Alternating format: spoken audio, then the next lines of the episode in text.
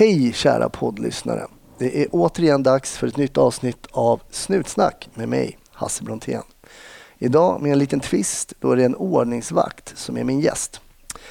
Jag har fått in en del önskningar av er lyssnare kring att ha just en ordningsvakt som gäst och jag har själv funderat på det tidigare. Och anledningen till det är ju att ordningsvakter utbildas av polisen. De har i vissa fall liknande uppgifter som polisen och har därför också lagligt stöd att bryta mot våra grundläggande fri och rättigheter. De får avvisa, avlägsna och också omhänderta människor. Polisen är förman och prövar en ordningsvakts beslut om det ska bestå eller om det ska hävas. För cirka två veckor sedan blev jag kontaktad av Mattias som veckans gäst heter. Han var en av de två ordningsvakter som för en tid sedan ingrep mot en gravid svart kvinna på tunnelbanan i Stockholm. Kvinnan hade även med sig sitt barn. Man kan tycka att i Sverige 2019 så skulle ordet svart inte behöva nämnas eftersom alla givetvis borde behandlas lika i samband med ingripande från polisers eller från ordningsvakters sida. Dock kom den efterföljande diskussionen att handla om just det. Var det här ingripandet ett tydligt bevis på rasism? En del menar att så var fallet, andra menar att så var det inte. Jag tyckte i alla fall att det skulle vara intressant att höra Mattias egen bild av den här händelsen. Så därför så bjöd jag hem honom för ett samtal. Jag var nyfiken på hans version och är du en nytillkommen lyssnare av Snutsnack just på grund av den här händelsen så antar jag att du är rätt nyfiken på vaktens version du med. Som vanligt med mina gäster så försöker jag vara den neutrala samtalsledaren. Efter att ha spelat in det här avsnittet så publicerade Dagens Nyheter en artikel där man berättade att man hade hittat ett Flashback-konto tillhörande just Mattias. Under det kontots namn hade han skrivit ett antal väldigt rasistiska uttalanden. Efter att ha läst DNs artikel så kan jag säga att då kände jag spontant att jag inte ville sända det här avsnittet överhuvudtaget. Men eh, efter att ha sovit på saken så beslutade jag mig för att kontakta Mattias igen.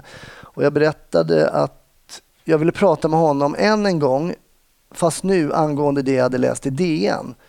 Jag sa så att för att sända hans avsnitt så ville jag komplettera med frågor som rörde hans Flashback-konto och de grejerna som han hade skrivit där.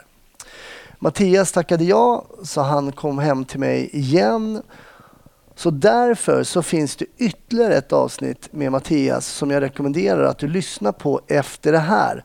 Där han pratar om de sakerna som han skrev då på det här Flashback-kontot. Jag antar att det kan finnas åsikter kring dels avsnitten i sig men även rörande ordningsvakter, rasism och liknande.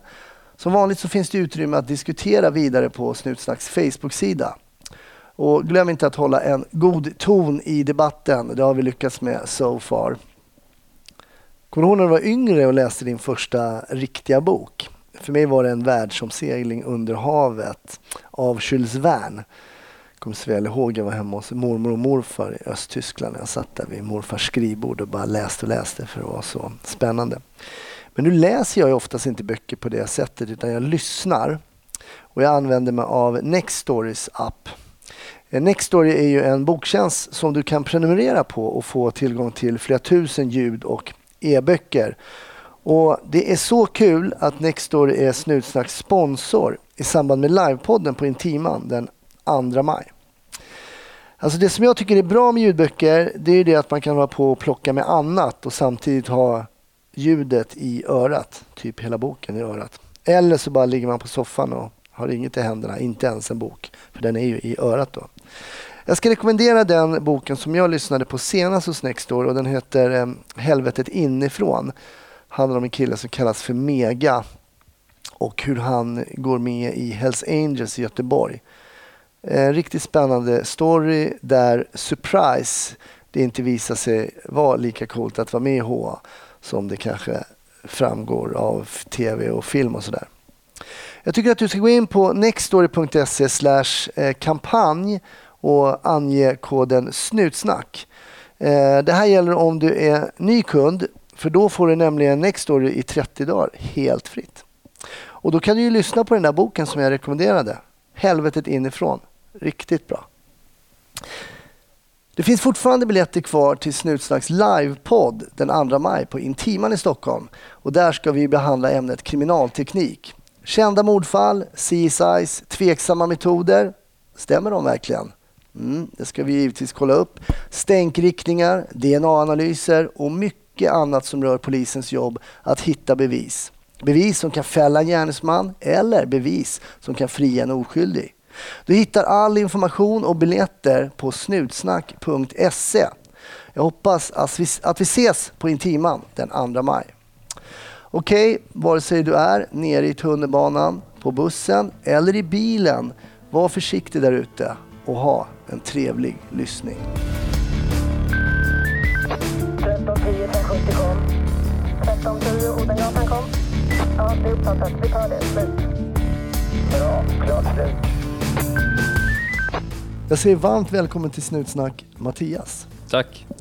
Du är den andra i den här poddserien som inte jobbar som polis och inte har en polisutbildning. Mhm, jaså? Ja, det, vi hade med en tjej som heter Beatrice i början som jobbade på ledningscentralen i Uppsala Mm. och berätt, berättade om arbetet där. Men du jobbar som vad?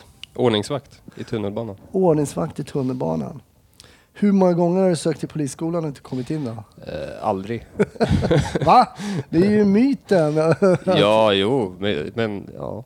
Jo. Visst, det är absolut jättemånga ordningsvakter som söker sig till Polishögskolan. Det är Mm. det. Men eh, kanske inte det första bästa, eller första bästa de gör, utan de flesta brukar bli ordningsvakt först och sen till polisen. Mm. Så att de hinner få upp någon form av erfarenhet eller någonting. Hur länge har du jobbat som ordningsvakt i tunnelbanan? Eh, Jag har jobbat i, Jag har haft mitt förordnande sedan 2017. Ja, Men jag har ju jobbat i tunnelbanan innan det också, för jag var ju väktare innan det. okej. Så sammanlagt så har jag väl jobbat i tunnelbanan i cirka lite över tre år, skulle jag gissa. Mm.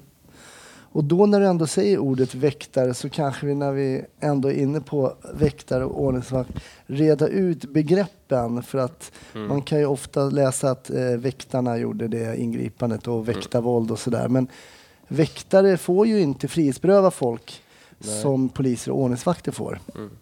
En väktare har ju envarsgripet, har de ju. Men det har ju alla individer i samhället, så det är inget märkvärdigt med det. Nej. En väktare håller ju på med bevakning. Eh, Och det kan ju liksom vara, eh, säg att en ICA-handlare vars dörr har gått sönder och det är en söndagnatt eller söndagkväll och det finns ingen rep, någon som kan fixa det där här och nu så då får man anställa en väktare som kanske får bevaka den här ingången för att se till så att ingen kommer in och snor någonting i butiken. Mm. Det är liksom det en väktare håller på med. De skyddar egendom helt enkelt. Mm. Eh, Och det gör ju inte riktigt en ordningsvakt. Nej, man hör nästan på namnet att de försöker hålla ordning. Mm. Det är ganska... det till och med står på oss tydligt. Men, Ordningsvakt. Ja.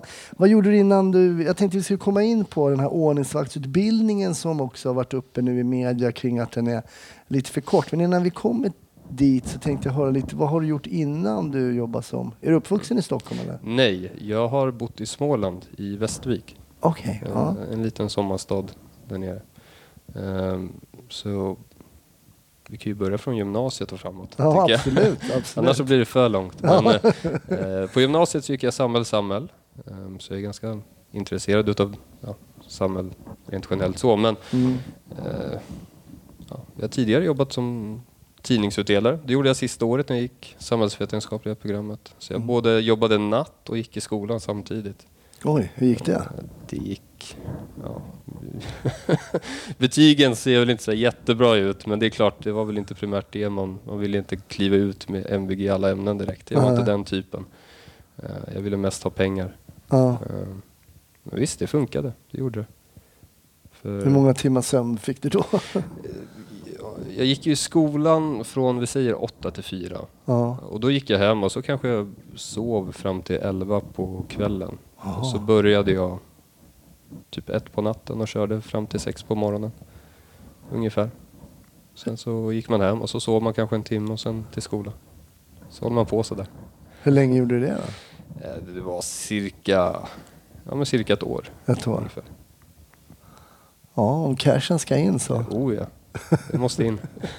Vad hade du för planer liksom? Hade du några planer på vad du ville göra efter Ja, jo, jag, jag var jättebestämd med att jag skulle flytta ifrån Västervik. Så Okej. det var ju det som var det stora drivet. Jag har ju tidigare bott i Stockholm, ehm, så Stockholm är ju, är för mig ingen jätteokänd stad. Nej. Så jag ville flytta tillbaka hit. ehm, Och eh, ja, det gjorde jag direkt. Dagen efter studenten så flyttade jag. Ah, okej. Så fort jag fick utrymme så drog jag direkt. Så Hade det- du jobb då när du kom Nej, jag hade inte det. Det här var lite vågat var det. För jag fick hyra ett litet hus ute på Lidingö Okej. av en hyresvärd som jag för övrigt inte kände eller någonting sånt. Så jag tyckte det var ganska vågat ifrån honom att hyra ut till mig för jag hade ingen fast inkomst eller något sånt. Men för hyran låg på 6 000 och 6 000 att få in sådär om man inte har någon inkomst. Det är ganska, det är mycket pengar. Ja. Det. Men hade du lagt undan pengar då? då? Ja, ja, det hade jag gjort. Så kanske första halvåret hade jag kunnat klara utan problem. Men eh, ja. Men jag fick, ganska, jag fick jobb ganska så snabbt ändå, så det där löste sig. Vad jobbade du då? då? Då hamnade jag på SLs kundtjänst. Okej, vad får man göra där? Ja, då fick jag typ sitta vid telefon och svara alla, på alla möjliga konstiga frågor som folk hade. Allt från klagomål till hur man reste dit, till hit och så. Ja. Så det var allt möjligt. Hur länge var du där då? Det var ett halvår. Det var inte så länge. Var det för att du inte var speciellt stimulerande eller varför? Det, jag, det var ju inte det roligaste jobbet jag hade, har haft om vi säger så. Du, du går ju till jobbet konstant och så får du utskällningar hela tiden. Mm. Det är ju inte så jätteroligt direkt. Eh, Det är ju inte så att någon ringer in och säger bara jävlar vilket bra jobb du har gjort. Det är inte så det funkar direkt. Man känner att ordningsvakt kanske inte heller är det jobbet där folk står och applåderar när du har gjort ett ingripande. Nej, så är det ju absolut men där så kanske du får ett tack ifrån andra håll och kanter. Eller, Mm, ja, du hjälper folk rent konkret. just Du ser ju ett resultat när du jobbar med människor då. Det gör du kanske inte när du jobbar genom telefonen. Nej, precis. Men gick du från den informationsgrejen på SL till ordningsvaktsutbildningen eller? Nej, för då hoppade jag över till eh, att bli uppräkningspersonal. Eh, Det är, en det, är, det är de som håller på att räkna pengar helt enkelt. Och då jobbade jag på Loomis. Mm. Eh, Så då jobbade jag på deras uppräkningscentral. Då hade hand, ja, det är ju kontanthantering rent ut sagt. Så du stoppar in pengar i en maskin som räknar pengarna. Det är Ah, okej. kort och gott det du gör. Eh, Och så, så Men när man räknar så räknar man bara en gång eller kontrollräknas det flera gånger? Eller hur? Eh, Man räknar bara en gång vad jag minns. De är så pass exakta de där. Ja, det är ganska... Nu vet jag inte hur det fungerar idag och jag vet mycket väl att man säkert har... Den där branschen har ju förändrats jättemycket på senaste åren. Mm. Eh, Efter helikopterrånet och sådana där saker så... eh, Ja, nej, det går inte att lura systemet i alla fall. Nej. Det vet jag mycket väl att det inte går. Nej. Och sen då? Blev det ordningsvaktsutbildning efter det? Eller? Eh, Ja, det kan man väl säga. Jag gick väktarutbildningen först. Mm. Jag åkte upp till Boden och gjorde min väktarutbildning där. Och hur ser en väktarutbildning ut? Den är längdmässigt så ligger den väl på en och en halv månad, skulle jag gissa, två månader. Mm. Ehm, Så då åkte jag upp till Boden och så gick jag hela paketet. Du börjar med att du går VU1 som det heter. Nu kommer jag inte ihåg specifikt vad man går igenom där men det är väl vad en väktare gör, vilka lagstöd som finns och hit och dit. Sen efter det så ska du göra en praktik eh, på ett bevakningsföretag. Eh, Och du ska alltså jobbat in 160 timmar. Ehm, Ja, 160 timmars praktik ska du ha. Mm. Och sen efter det så får du göra V2. Eh, Och sen är du och sen batongutbildning också, men den är väl typ på en dag eller någonting sånt där. Mm. Sen är du utbildad väktare. Och vilka var det som utbildade er? Eh, vad heter de? Väktarskolan? Ja, Eller någonting just det. sånt där. Precis. Och sen så är du väktare i tunnelbanan. Mm. Sen så blev jag väktare i tunnelbanan och eh, det, det, man, det jag gjorde i alla fall, man hade hand om egendomsuppdraget som det heter, eller hette då, det finns inte riktigt idag. Eh, och då har man hand om klotter generellt sett. Ah, Okej. Eh, se till så att folk inte klottrar på tåg. Eh, ja. Det var primärt det man gjorde. Mm.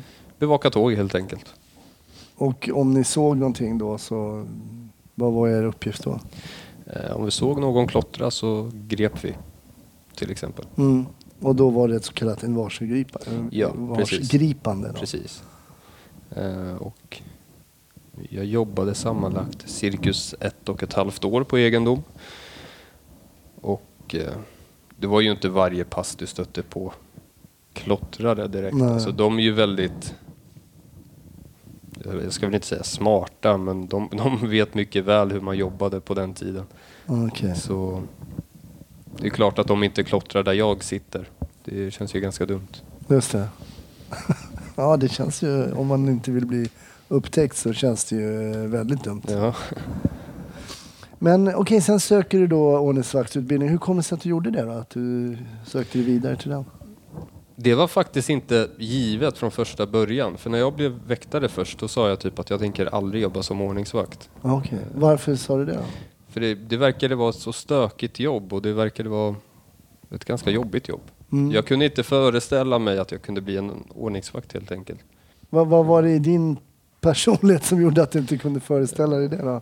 Nej, det, det är ändå ganska svåra uppgifter som en ordningsvakt kan ställas inför. Allt ifrån bråkiga personer, berusade personer och jag har väl ingen direkt erfarenhet hur man ska han- hantera bråkiga personer direkt. Ehm, Så det var väl mest det som ehm, jag kände att ah, det där känns inte så jättekul. Nej. Men du ändrade dig då? Någonstans? Ja, på- under vägen där? Ja, precis. Under vägen så då sökte inte polisen eh, till deras utbildning. Mm. För det är polisen som utbildar ordningsvakter? Ja, då, eh, det, man har ju ändrat lite på det där. Mm. Jag tror, du, polisen har ju nästan alltid haft monopol på att utbilda ordningsvakter. Men sen efter 2014, 2015 där, då, då valde man att låt, tillåta vissa bevakningsföretag även utbilda ordningsvakter. Eh, Alltså teorin då. Mm. Sen hade du en liten uppkörning hos polisen. De kollar så att du kan det du ska, att du kan dina grepp som du ska. Och, ja, juridiken, allt. Så Mm. du, du gick utbildningarna hos ett bevakningsföretag och sen så kunde du göra din uppkörning hos polisen. Men jag gick enbart bara hos polisen. Mm. Hur var den utbildningen då? Eh, Den var kort. Hur kort då? Ja, alltså den är ju två veckor. För du berättade att du hade gått den här väktarutbildningen. Då Mm. var den en och en halv månad. Mm. Om man tänker att titta på egendom och vakta kanske lokaler inte kräver lika mycket Nej, du- utbildning som nej. en ordningsvakt kräver. Precis. Och nu finns det även mer praktik i väktarutbildningen så det är väl främst det som gör att det, Lite längre. ja, eh, det är ju liksom 160 timmar, det är en månads arbetstid. Men är det någonting spontant då som du kände? För jag kan tänka mig att ni har lagstiftning och lite greppteknik och, Mm. och så vidare. Men vad kände du om de här två veckorna? Det känns ju som att det, ska, det är kort tid att trycka in allting där. Ja, det är jättekort tid. Det är det absolut. Och det har man ju... eh, Det där har ju blivit kritiserat i flera, flera år egentligen. Så det är inget... Eller man har haft en diskussion i alla fall i flera, flera år att ordningsvaktsutbildningen är kort. Mm. Eh, Och det jag tänker mig att man kanske skulle ha lite mer i utbildningen, det är väl scenarioträning. Det är Mm. aldrig dåligt. Sjukvård är heller aldrig dåligt. Nej, Ehm, För man kan aldrig bli för utbildad inom sjukvård till exempel. just det. Ehm, För det är väl inte helt ovanligt att ni också i tunnelbanan stöter på eh, sjukdomsfall eller Ja. fallolyckor eller Absolut, absolut. Vi kan stöta på allt möjligt. Ehm, Allt, allt ifrån epilepsianfall till personer som har ramlat i rulltrappan eller vad det nu må, misshandelsfall också för den delen.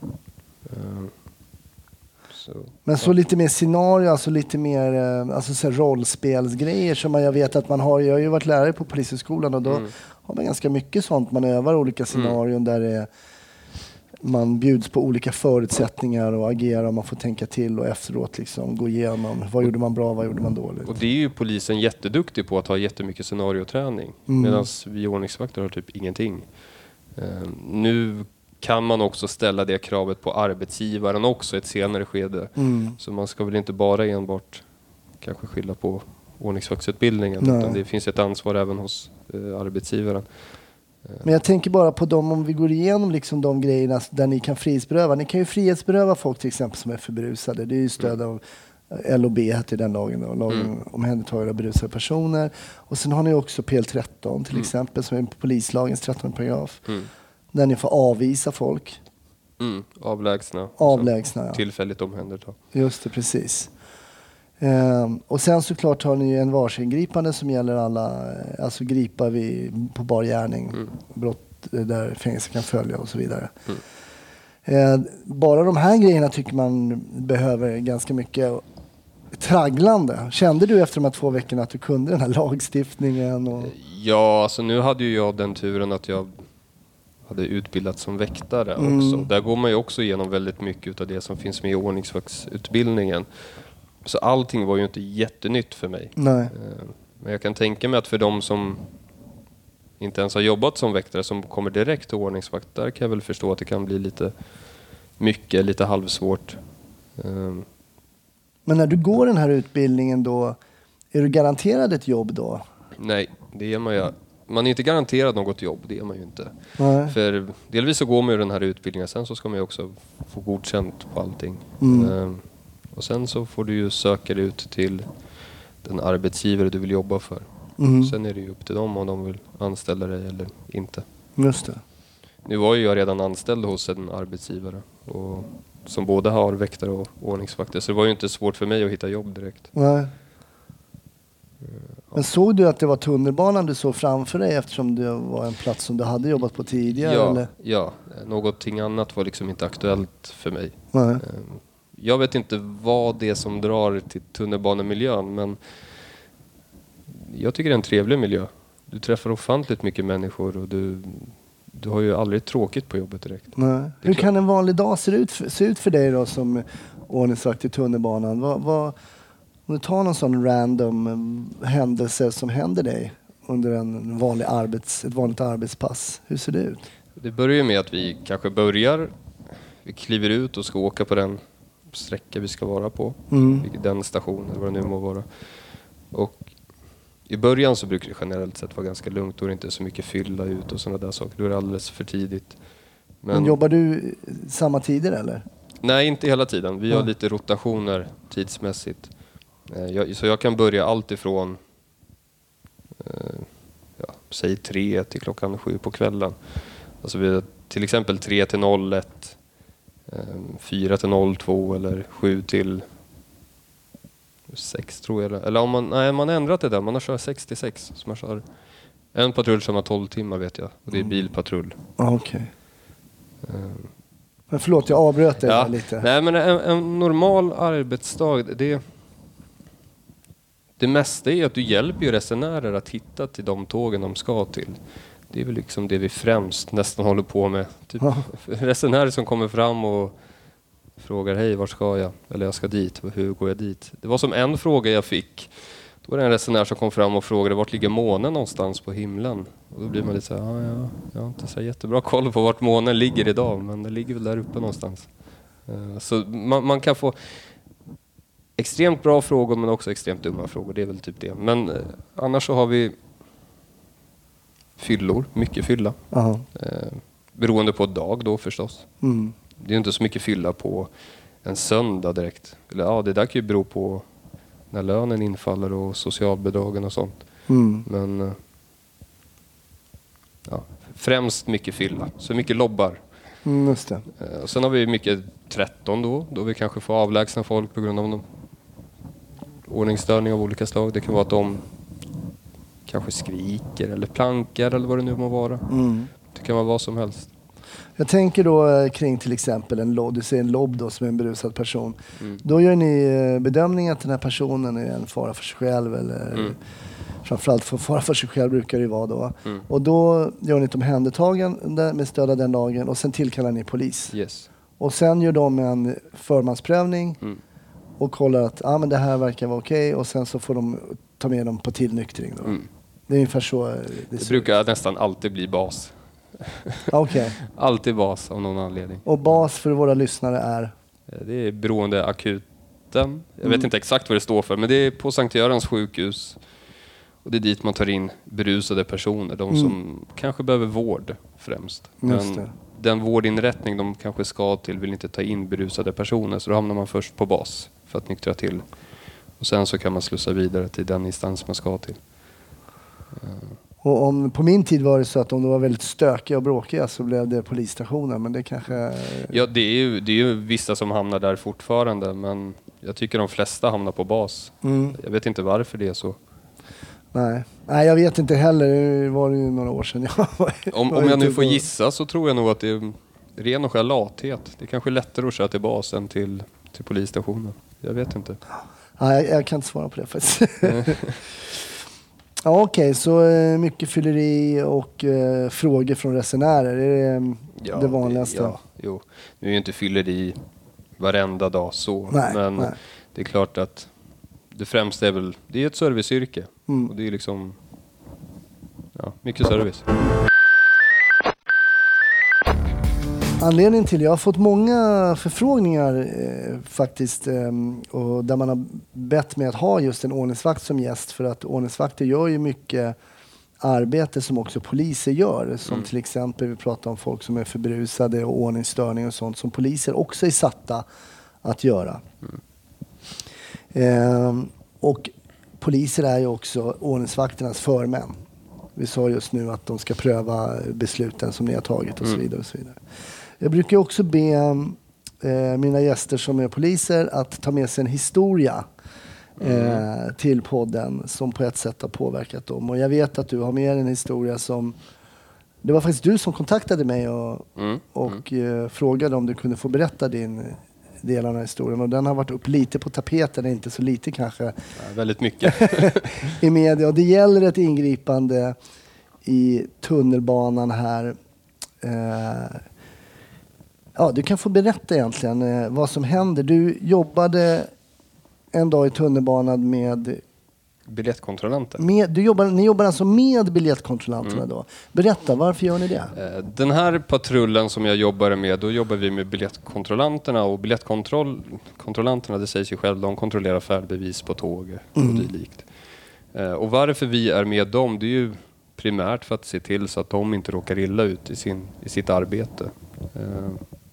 Eh, Att Det är de inte, intressant. Jag kommer ihåg när jag var ung och då var, gick ju biljettkontrollanterna själva. Det var Ja. aldrig några ordningsvakter med. Nej. Men det har alltid, alltså blivit en förändring där.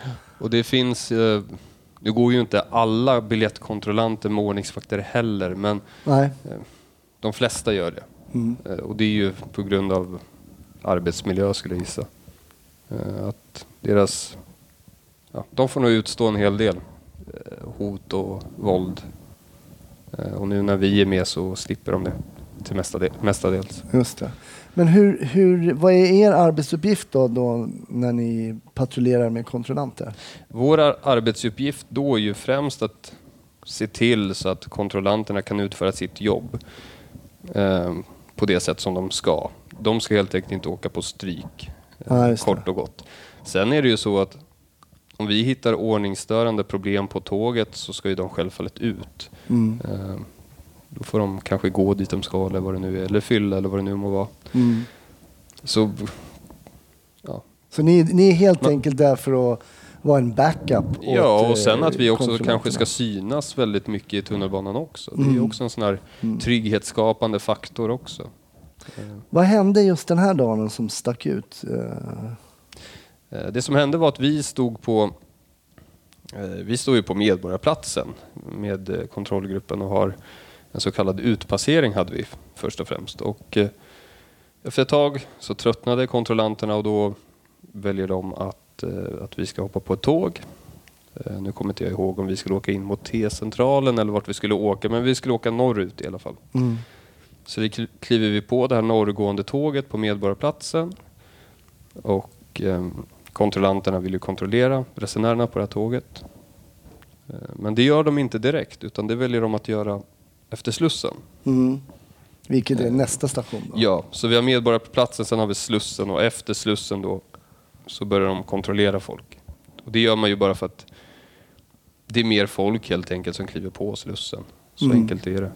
Eh, Och ja, då ganska direkt så stöter en kontrollant eh, på en kvinna som är gravid och svart som inte har biljett. Mm. Eh, som börjar direkt bli ganska stökig. När du säger ganska stökig, vad innebär det då? Ja, det- på, på det sättet att hon skriker, hon, hon samarbetar inte med kontrollanten till exempel. Men jag brydde mig inte så mycket om det där i början för så gott som alla, inte alla då, men till stor del utav de som blir tagna i en kontrollgrupp, de, de är ju inte samarbetsvilliga. Ofta så brukar kontrollanterna sköta det där ganska bra själva så jag brydde mig inte så nämnvärt över vad som hände där och då. Nej. Eh, Och eh, ja, jag, jag ser i alla fall att en tilläggsavgift, vilket är en liten böteslapp, eh, och tilläggsavgiften ligger väl på runt 1500 kronor ungefär. Mm. En sådan blir utskriven. Och det får man då eftersom man inte har giltigt färdbevis? Precis, hon har ju helt enkelt ingen biljett. Eh, Så det är därför hon får den här tilläggsavgiften. Och den tilläggsavgiften är ju även en biljett också. Eh, Så du menar att man kan resa på den Ja. om man har den? Ja. ja. Alltså dit man ska så att säga, Mm. kan man visa Precis. Och den här kvinnan får den här biljetten då och då väljer hon att kasta iväg den helt enkelt. Hon vill inte ha den biljetten. Hon, hon bryr sig inte eh, om den här situationen. Eh, och då tar den här kon- biljettkontrollanten upp biljetten igen och ger den till henne och säger att det här är faktiskt din biljett. Den måste du ha med dig när du reser. Men hon igen slänger bara bort den. Hon vill absolut inte ha den där biljetten. Och eh, ja, nej. Hon, vill helt enkelt inte ha den där tilläggsavgiften. Nej. Och visst, det är väl i sig inga problem med det. Eh, för hon har ju fått sin tilläggsavgift utskriven. Eh, och den där bötesbeloppet som ska betalas, det är, liksom, det är en civilrättslig åtgärd. Så det är liksom mellan henne och det företag som vill ha de där pengarna. Så det är en tvist mellan de två. Mm. Och det är inte så att jag är någon indrivare från Kronofogden och ska se till så att de där pengarna ska betalas. Hon behöver inte betala dem där och då. Hon har ju Nej. flera dagar på sig. Sen om hon gör det eller inte, det, Det kommer komma en påminnelse. ja, det, det bryr jag mig inte så mycket om, om om hon inte betalar. Men problemet här är att hon har ju ingen biljett. Och sen att hon inte har samarbetat med kontrollanterna. Hon har valt att skrika och vara allmänt störig på tåget. Eh, Hur är stämningen här i vagnen då? Är det mycket folk? Är Nej, det, folk? det är inte så mycket folk faktiskt. Det är ganska... För klockan är åtta på kvällen ungefär. Mm, Så det är inte rusningstrafik. nej. Eh, Men jag skulle gissa på att det sitter en resenär på andra sidan. Sen sitter det kanske två resenärer bakom henne och sen någon resenär till. Så det är väl så mycket folk är det i alla fall inte runt, runt omkring. Nej. Hur känner du kring den här situationen då? Du ser det, du har en, som du beskriver då, en svart eh, som senare visar sig vara gravid kvinna också. Mm. Och hon har med sig sitt eh, barn. Mm. Hur känner du som ordningsvakt i det här läget då? Vad, vad, vad tänker du kring den här situationen? Det är en väldigt, väldigt besvärlig situation tänker jag. Alltså, man har ju, det är ju inte så att man är i en sån här situation varje dag. Jag har aldrig någonsin varit i en sån här situation tidigare och jag har aldrig hört att någon heller har varit i den här situationen heller. Nej. Så min första tanke blir att hur gör vi nu för att lösa den här situationen?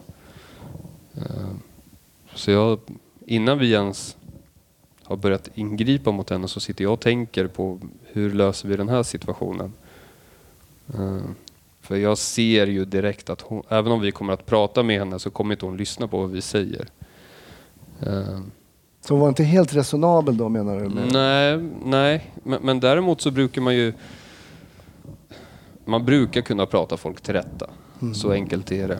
Eh,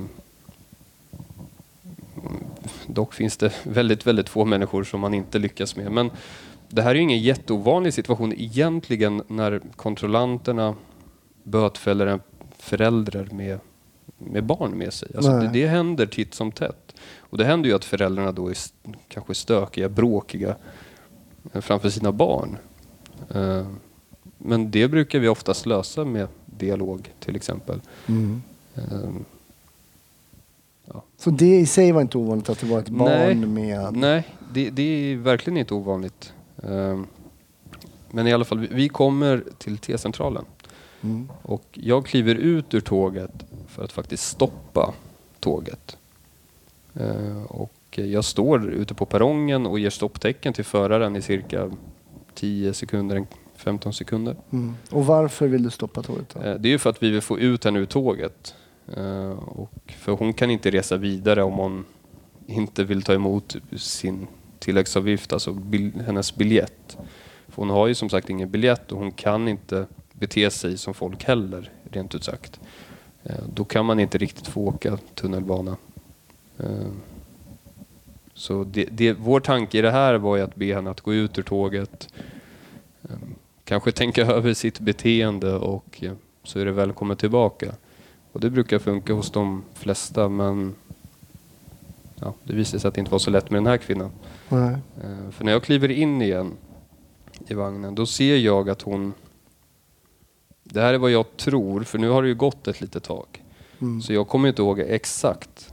Ehm, För det är ju ganska intressant vilka mekanismer som startas i ens hjärna när, när saker och ting händer. Men det jag tror händer, och det här är inte säkert, men jag vill minnas att hon stod upp och drog i kollegans uniform. Okej.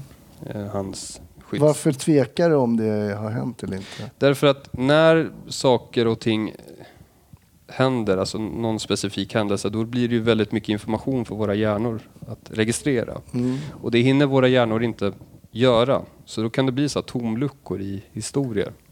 Och de här, och de här tomluckorna blu- brukar våra hjärnor inte gilla, så då vill man ersätta det med någonting annat. Så att historien som man har i hjärnan blir logiskt. Ehm, Och därefter så blir jag lite så osäker på, har det verkligen hänt eller är det någonting som min hjärna tror har hänt? Eller liksom Okej. sådär. Ehm, Så du sätter den lite inom parentes? Ja, precis. Eh, Men vad jag, vill min, vad jag tror minns, ja, tror hände, det var att hon stod upp och drog i kollegans uniform. Mm. Och då går jag fram direkt och tar tag i hennes arm för att vi vill ju för, försöka få ut henne ur tåget. Mm. Eh, För att prata med henne eller vad som helst. Alltså hon kommer inte få åka det här tåget, så enkelt är det. Eh, Och det går inte så lätt i alla fall. Eh, Det, det blir, hon gör ju motstånd. Men då Så- är ni på T-centralen Ja, fortfarande? så då är vi Står på T- tåget fortfarande still ja, då? Eller? det gör det. Mm. Så tåget står ju fortfarande still och vi är på T-centralen då som sagt och det vi vill är att, det enda vi vill är att försöka få ut henne ur tåget men det gick inte så jätte, jättebra. Eh, För hon, Hur försökte ni då? Hur gjorde ni?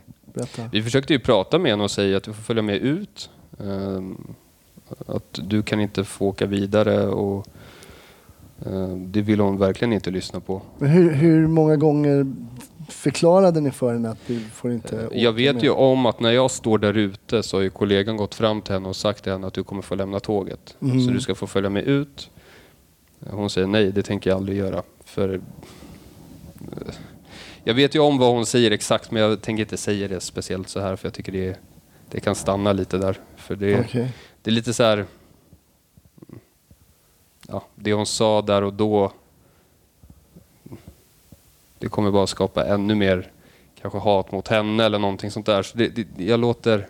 Okej, hon sa något där i... Ja, hon, hon sa någonting som man kanske inte riktigt... Jag säger jätte, jättebra. Ehm, Okej. och då så förklarar kollegan igen för henne att du kommer ändå få lämna tåget. Ehm, och då, i det här läget då, så förmodligen då så har hon ju ställt sig upp och drar i min kollegas uniform och det är då jag kommer in och ser att hon är ja, handgemängd med kollegan då så att säga. Mm. Det är inte så att det är fullt slagsmål, det är det absolut inte men. Eh, ja, hon är fysisk i alla fall. Eh, och då kliver jag fram för att ta tag i hennes arm.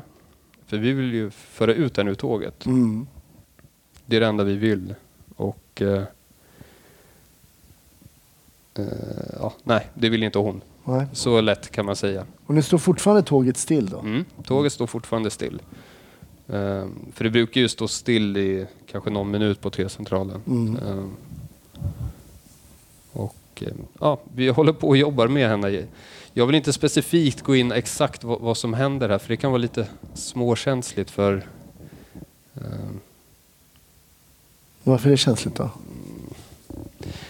ja, den här anledningen att arbetsgivaren som jag jobbar för och även, alltså det finns ju en arbetsgivare med i bilden här ehm, som kanske inte riktigt vill att vissa saker ska komma ut för det är klart att det finns ju arbetsgivare, betalande kunder och så vidare Mm. som påverkas, som har påverkats utav den här historien, den här händelsen också. Mm. Och då vill de kanske inte att all information ska komma ut. Okej. Jag menar, hade jag varit chef för ett företag, jag hade ju inte tyckt om att en anställd hade suttit i en podd och snackat om saker och ting som kan påverka ens business, så att säga. Mm. Men eh, hon är i alla fall stökig i tåget Mm, och vi ja. försöker få ut henne. Ja. Eh, Men det går inte riktigt som vi vill. Och då hör jag att föraren säger i högtalarna att dörrarna stängs. Så dörrarna stängs och då tänker jag, jävlar.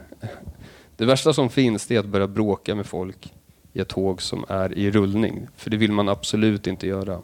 Nej. Du är ju väldigt trängd i den situationen. Du kan ju inte fly någonstans om någonting händer. Alltså, du är väldigt begränsad. Mm. Eh, Och det gäller ju liksom all ingripanden. Så det är inte specifikt det här. Men eh, Så vad händer då? då? vi väljer att släppa henne. Eh, Vi väljer att frysa läget som det heter. Mm. Så vi släpper henne helt. Och då sätter hon sig ner. Och då får hon lugna ner sig. Och vi också för den delen. Så när vi senare... Vad är du i för state of mind här och liksom hur mycket... Är du, vad har du för liksom, är du arg? Är du... Nej, det vill jag inte påstå. Jag är mer förvånad. Mm. Att... Kanske chockad. Förvånad, chockad över hur hon beter sig. Mm. För det är inte... en- Det sticker ut lite ifrån andra ingripanden. Alltså det är... Det är inte så jättevanligt att man stöter på sådana människor som... Man förväntar sig helt enkelt inte. Det är hon... Ja, man förväntar sig inte det här helt enkelt. Nej. Eh, så Är det det att hon är verbal eller är det att hon är fysisk eller är det i kombination eller vad är det som sticker det, ut? det är en kombination, men mest det fysiska ja. skulle jag vilja säga. För hon... Är hon vi, lång den här? Är hon lång? Är hon... ja, jag skulle väl gissa runt 1,70, 80 kanske. Okej. Eh, Hon... Ja, det är väl någonstans där. Eh, Så det är klart. Och sen så såg vi att hon var ju ändå ganska stor. Mm. Eh, Så vi visste ju om att när hon då gör motstånd så märker vi att hon är ändå ganska stark. Mm. Eh, Sen vet vi också om att hon har sitt barn med sig också. Visste du om i det här läget också att hon var gravid? Nej, det visste vi inte i det här läget för hon hade som sagt en ganska tjock jacka också eh, som var täckt. Så Men nu rullar ni vidare då. Nästa station är Hötorget. precis, så vi kommer fram till Hötorget och då säger min kollega att jag går ut och stoppar tåget. Så kollegan går ut och stoppar tåget och då förklarar jag för henne att du kommer få lämna tåget, du kommer inte få åka vidare. Mm. Så du ska få kliva ut.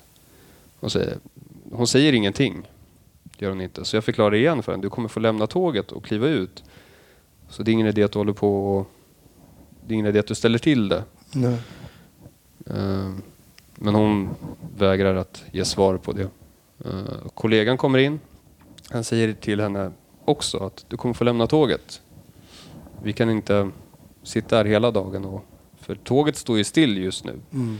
Hur reagerar hennes barn hur, och hur gammalt var det barnet då ungefär? I det här läget så... Barnet var ju ledsen, det var det ju. Ja. Eh, Men jag tolkar det mer som att... eh, Hon var ledsen just på grund av att hennes mamma var så arg. Mm. Eh, Okej. Så det var inte, jag tolkar det inte riktigt som att hon var ledsen för att hon var rädd mot oss eller någonting sånt där. Utan jag tolkar det som att hon är ledsen för att mamma är upprörd och arg. Det är Mm. lite så, den känslan. Men jag tänker att det är ju ändå ett väldigt ovanligt scenario för ett barn att se att det kommer två stora Absolut. starka ordningsvakter och ta tag i mamma också. Oh ja, oh ja, oh ja. Så är det absolut. Eh, Det är inget vardagligt direkt, hoppas jag i alla fall. Nej. Eh, Så det är klart att barnet säkert också var rädd i det läget. Men jag, tolkar inte riktigt som det, utan jag tolkar det som att hon var som sagt lite ledsen och rädd för att mamma var så Mm.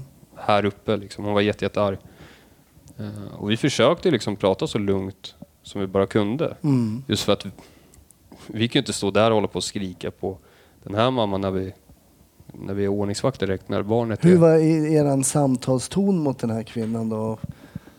Ja, men det var typ kanske... eh, Ja, bara så att du vet, du kommer att få lämna just här och nu. Alltså att vi ändå var bestämda i rösten. Mm. Det var inte så att vi skrek. Nej. Eh, Men vi var bestämda i vår röst och sa typ att du kommer att få lämna och tåget här och nu och det är liksom ingen idé att du står här och håller på och bråkar med oss. Så enkelt är det. Ehm, Men ja, i alla fall när vi är på Hötorget då och kollegan kommer in mot tåget så eh, säger vi till henne ju som sagt att hon kommer få lämna tåget. Men hon säger bara nej, det tänker jag inte göra. Hon, hon vill inte ställa sig upp överhuvudtaget. Hon vägrar att eh, eh, gå därifrån. Och då tar jag tag i ena armen och kollegan också. I samma arm eller? I varsin? Eh, varsin arm. Mm. Eh, och vi försöker då föra ut henne ur tåget. För det är det, är det enda vi vill. Vi vill, få, vi vill få ut henne ur tåget så att tåget kan rulla vidare. Det är liksom det vi vill. Eh, men eh, Och är det här på något sätt standard procedure om någon vägrar, ehm, som är högljudd, inte har giltigt färdbevis, får en böter, slänger det och vägrar, då, då tar man av personen? ja, för de kan inte... Ja, de, de kommer inte kunna få resa vidare hur som helst i alla fall. Okej. För Ja. man kan inte springa runt och bete sig så. Det går bara inte. Eh, För det handlar ju ändå om att markera vilket beteende som liksom är okej och inte okej. Och beter sig en person så, då vill ju alla bete sig så. så det, Men du menar också att hon verbalt vid ett flertal tillfällen fått chansen då att lämna så att säga? mm. Ja, massa gånger. Flera, flera gånger. Eh, både kanske i Gamla stan, eh, sedan tidigare. Mm. Eh, Hon har även mellan säg Medborgarplatsen och Slussen innan kontrollen ens har börjat kunnat lämna tåget. För hon har ju sett att vi kliver på tåget. Mm. Och kontrollanterna har ju som sagt inte ens börjat kontrollera tåget direkt. Nej. Så hon är ju liksom helt fri att gå och hade hon gjort det då hade ju inte vi gjort någonting. Alltså vi hade varit mer än glada om...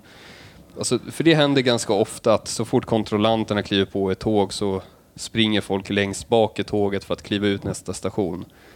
Och personligen nu, eh, så har jag inga problem liksom, med att folk gör så. Alltså, kan vi bli av med problemet så lätt så är jag mer än nöjd. Okej. Eh, För jag är inte den som måste fånga allt och alla bara för att de inte har biljett. För eh, Det är inte riktigt mitt jobb som ordningsvakt att springa runt och se till så att alla har biljetter så att säga. Nej.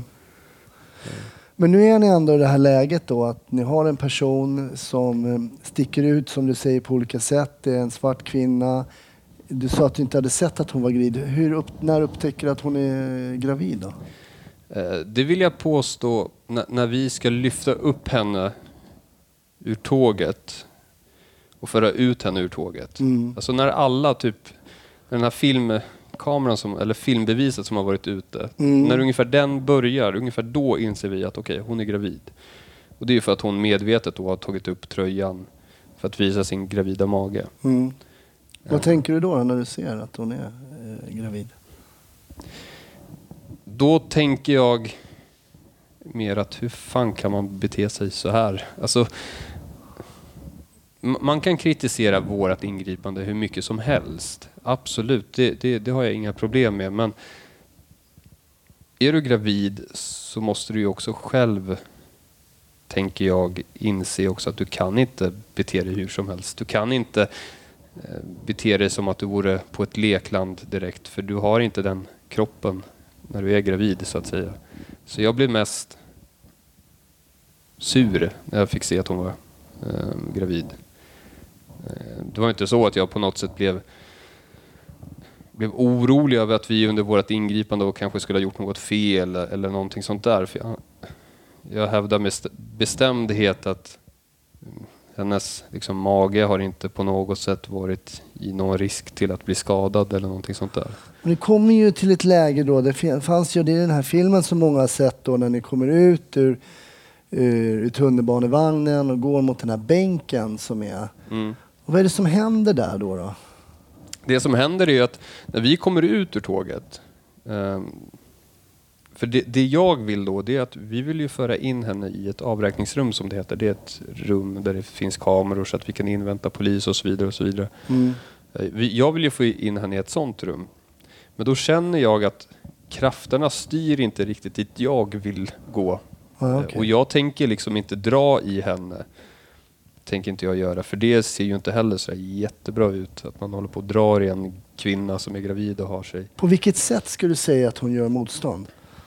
Eh, alltså in i vagnen då så, så är det verkligen som att hon slänger sig bort med armar. Hon vill, när jag försöker ta tag i hennes arm så slänger hon bort sin arm och liksom vill, vad ska man säga? Använda sin arm närmare sin egna kropp. Och det, det är ett sätt att vara passivt motstånd. Att man, man vill inte riktigt samarbeta. Ja. Skulle du säga att det att hennes det våld då som hon, alltså våld kan ju låta lite konstigt i, kanske när man pratar, men våld är ju till exempel bara att ta tag i någon i armen Mm, är ju mm. liksom, det är ju, en, det är ju en frihet vi har att folk Mm. inte ska ta tag i oss och så, så det betraktas ju redan där som våld. Men jag tänker, skulle du betrakta hennes våld som ett våldsamt motstånd? Ja, absolut. Utan tvekan. Och ett våldsamt motstånd då, för att förtydliga för våra lyssnare, är ju något som man kan, eh, det våldet man motsätter sig. Ett- Ett gripande från en polis eller en ordningsvakt att säga. När man motsätter sig då, det Mm. kan bli ett våldsamt motstånd. Och då pratar man kanske ibland om, eller ganska ofta just om att kränga med kroppen, dra åt sig armarna, Mm. vifta med armarna och så vidare. Man Ja. kanske gör sig tung eller någonting sånt där så att man inte kan lyfta upp, henne- lyfta upp personen i fråga och sådana där saker. Att man använder sin kroppstyngd till exempel för att kunna göra motstånd också. Mm, Men det kallas ju mer för passivt motstånd. mm. Eh, och eh, ja, vi, vi får ut henne ur tåget i alla fall och jag följer som sagt krafterna. Dit krafterna går, jag följer bara med. För jag tänker inte ödsla krafter själv att eh, dra i henne eller någonting sånt där. Så vi hamnar vid den här bänken. Mm. Innan ni kommer där ska jag avbryta igen. Mm, Förlåt om jag avbryter hela tiden. Men skulle inte det här läget kunna vara bara så här, men nu släpper vi henne, Mm. hon är jobbig, vi drar och så får hon åka vidare. Mm. Ah, alltså, hon är ju gripen i den här situationen. Okej, varför då?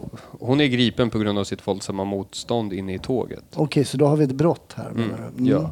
Och när vi har en person som är gripen då kan vi inte liksom bara släppa henne och låtsas som att ingenting har hänt. Nej.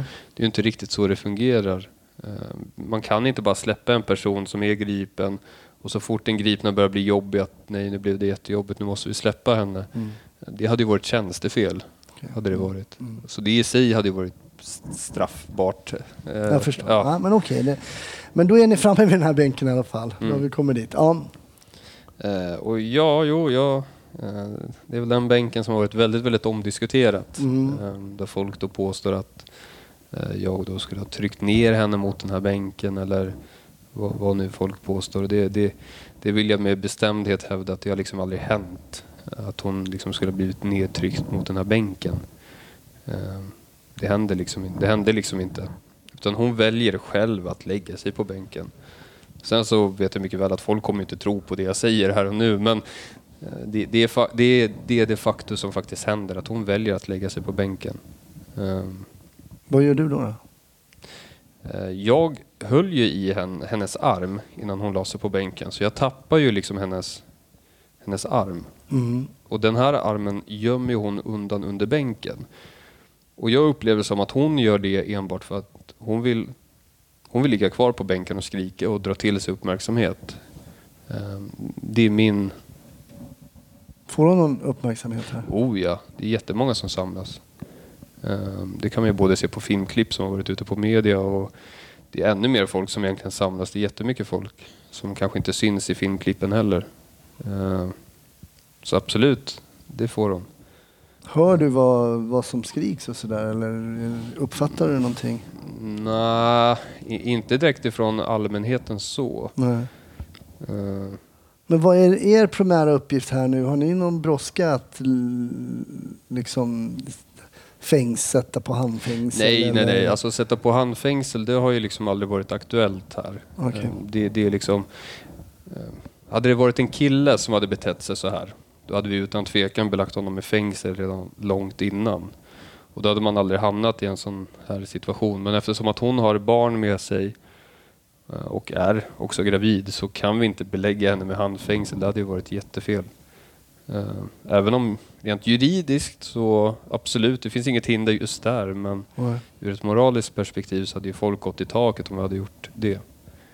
Men ligger hon nu på bänken här Mm. Hon ligger på bänken. Och eh, jag tappar ju mitt grepp om hennes arm. Och den här armen då gömmer hon ju undan bänken. Eh, som jag försöker lyfta upp. Mm. För jag vill ju få upp hennes arm. Eh, för hon kan inte liksom gömma undan sin arm eller hålla sig fast på den här bänken. Jag vill ju försöka få bort henne från bänken så fort som möjligt. Mm. Ehm, Samtidigt som det här liksom sker så kommer det flera kollegor till platsen. Mm. Det kommer två kollegor till platsen och då är det en kollega som direkt går fram till hennes dotter och tar tag i dottern och liksom får bort henne ur situationen för, så att dottern inte ska behöva se vad som händer. Okej. Eh, För dottern är ju i det här läget jätte, jätteledsen Mm. och förtvivlad och allting. Eh, Det var ju jättebra jobbat ifrån kollegan där för då har vi ett problem mindre så att säga, om man nu kan säga det, att Mm. barnet slipper behöva bevittna det här. Du säger att hon lägger sig på mage, du tappar hennes arm. Där hävdas det ju att du pressar ner hennes mage där. Mm. Eller du pressar... Hur, vad är det som händer där egentligen? Eh, Ja, jag, jag försöker ju få upp hennes arm för att hennes arm då ska kunna eh, inte riktigt få bak bakom ryggen. Men, men jag vill i alla fall få kontroll på hennes arm för jag vet inte vad hon håller på med sin arm under bänken. Mm. Eh, och eh, om jag nu, hon ligger ju sidledes eh, Mm. med magen Mm. gör hon. Så hon ligger ju inte liksom, som många påstår, rak platt med magen på bänken. Ja, Det, det, det har ju liksom aldrig hänt och det tycker jag man tydligt kan se på filmerna också, att hon ligger sidledes. Mm. Eh, men, Okej. eh, ja.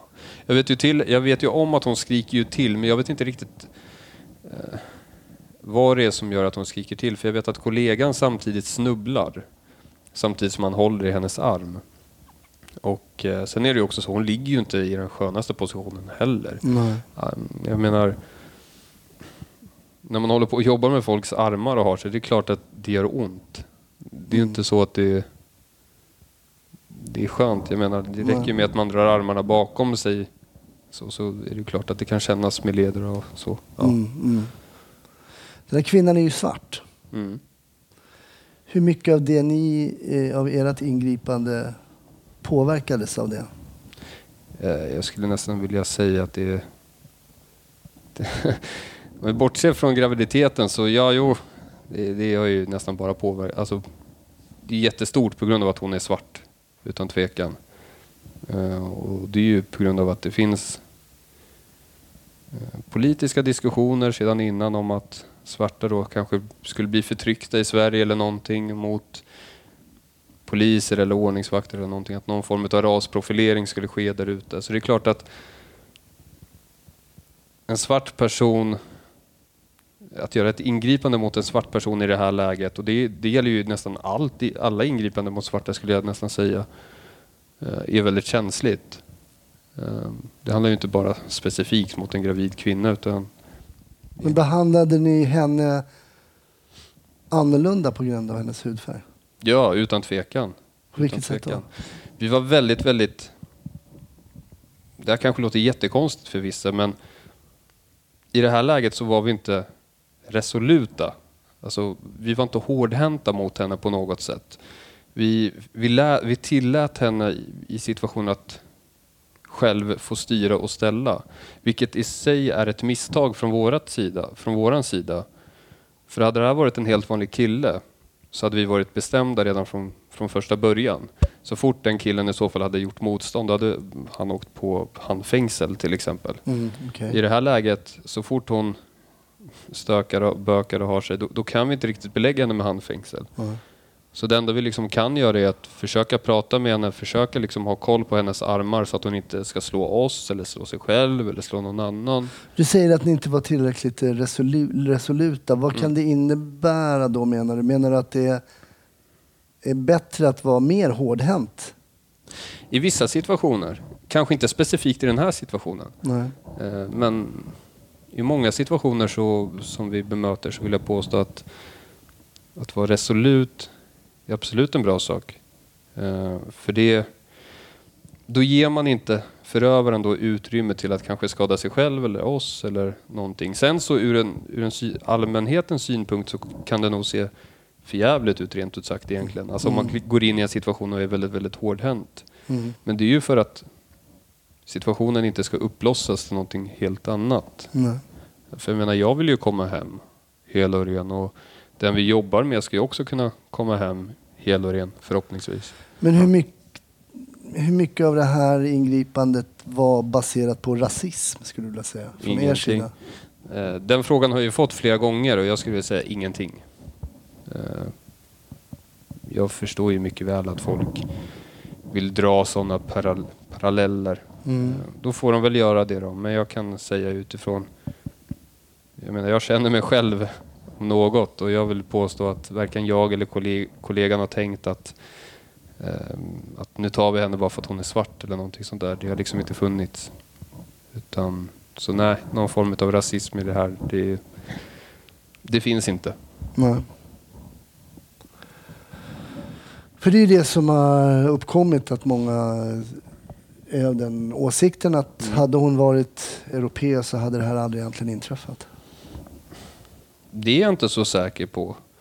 Eh, jag tror absolut att hade en svensk i den här situationen betett sig likadant som hon så är jag ganska säker på att vi hade, kunnat, vi hade säkert gjort samma beslut och sådana saker. Men däremot så är jag inte lika säker på att det hade blivit uppmärksammat eh, massmedialt eller hos allmänheten.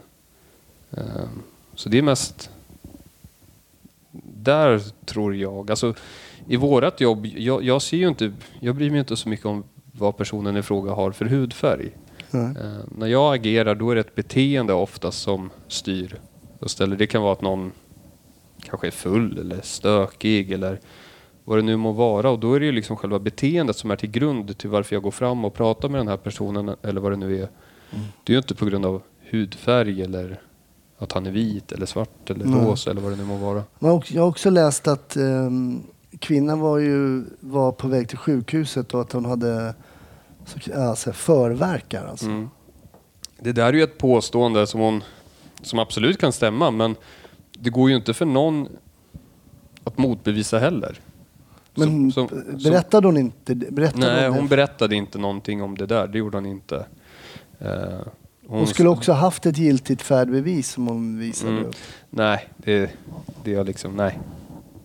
Men vet du att, hon, att det inte fanns något giltigt färdbevis? Ja, jo, men jag vet om det. Eh, Det där har man ju kollat upp efteråt och jag vet mycket väl om att något giltigt färdbevis har inte riktigt existerat här. Nej. Eh, Sen så kan hon påstå vad hon vill, men nej. In, inte, i det- inte vad jag har sett och inte vad jag har märkt av i alla fall. Nej. Så har hon i alla fall inte aktivt letat efter en biljett som folk påstår. Det har liksom inte inträffat Nej. direkt. Och du, hör- hörde du någonting om förverkare, att det fanns? Nej, det var ingenting hon sa någonting om. Nej. Eh, absolut inte. Men det kom ambulansen till platsen? Mm. Det var vi som tillkallade ambulans till henne.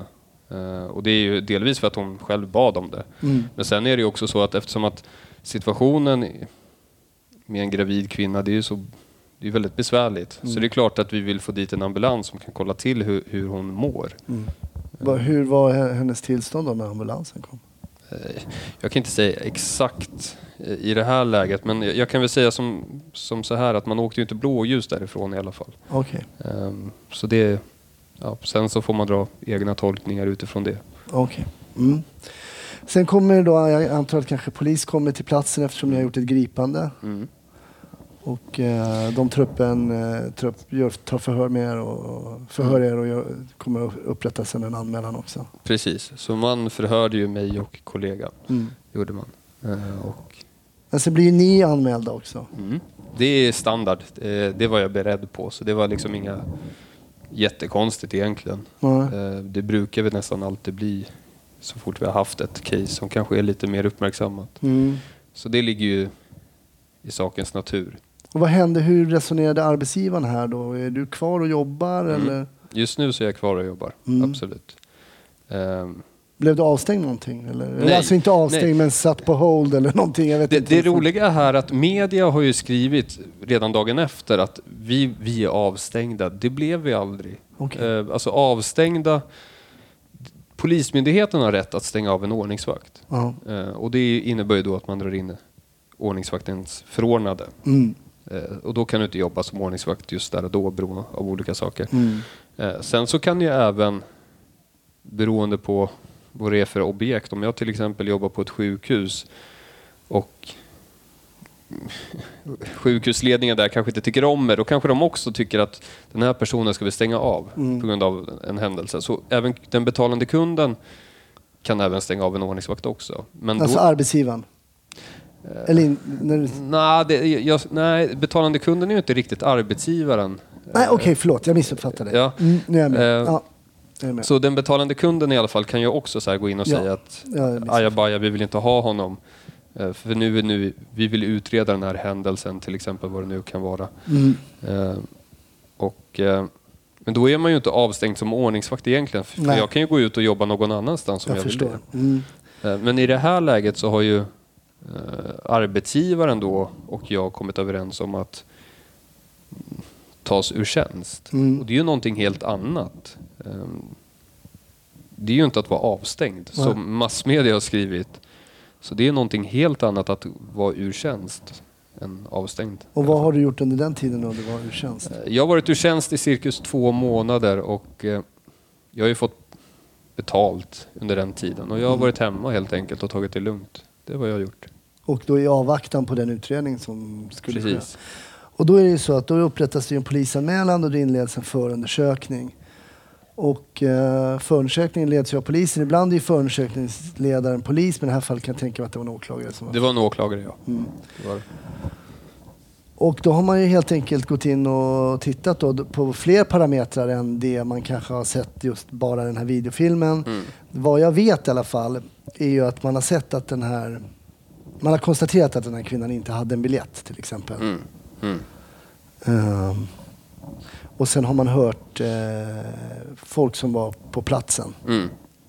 Sen vet inte jag om man har haft tillgång till andra ehm, inspelningar eller... Ja, ifrån... Det är ju så i tunnelbanemiljön, så det är ju fullt med kameror där. Ja. Eh, och du kan inte gå en meter utan att bli filmad. Så både i vagnar och på perronger och hit och dit. Så det, det är klart att den här händelsen har ju varit väldigt bevakad.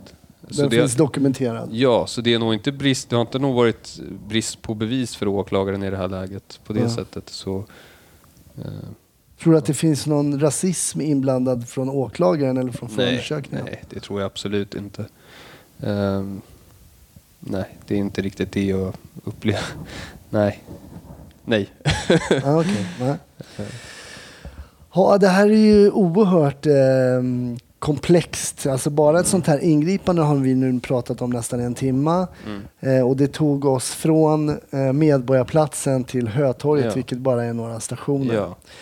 Ehm, det här är din historia över Mm. vad som hände. Mm. Och ehm, stort tack för att du ville dela med dig av den. Tack själv.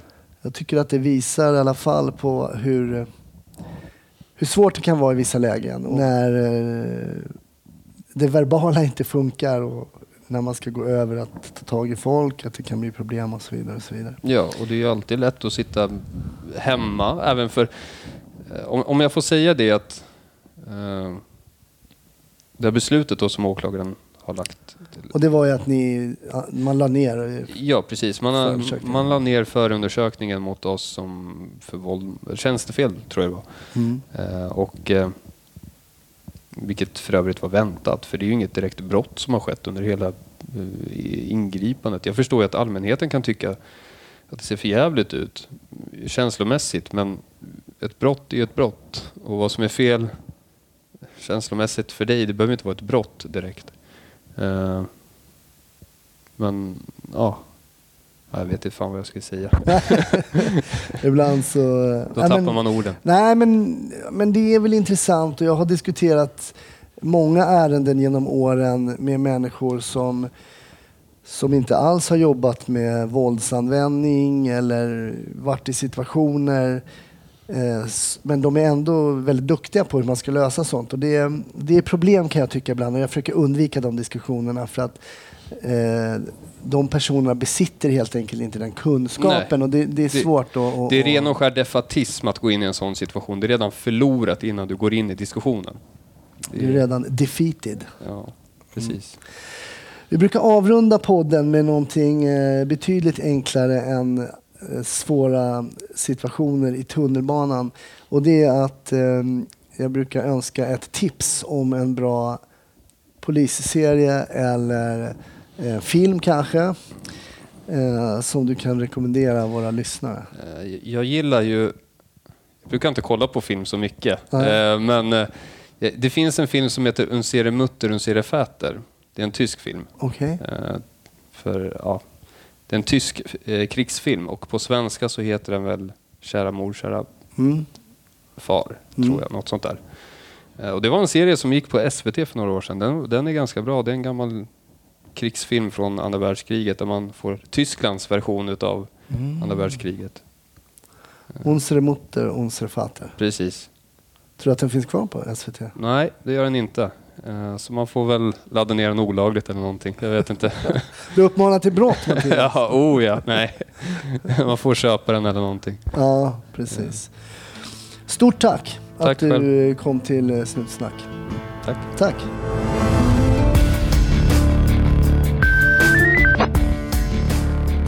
Tack för att du lyssnade på det här avsnittet av Snutsnack. Glöm nu inte att lyssna vidare för att höra vad Mattias säger om de rasistiska uttalanden han har skrivit på Flashback. Det hör du alltså i nästa avsnitt som är avsnitt 80.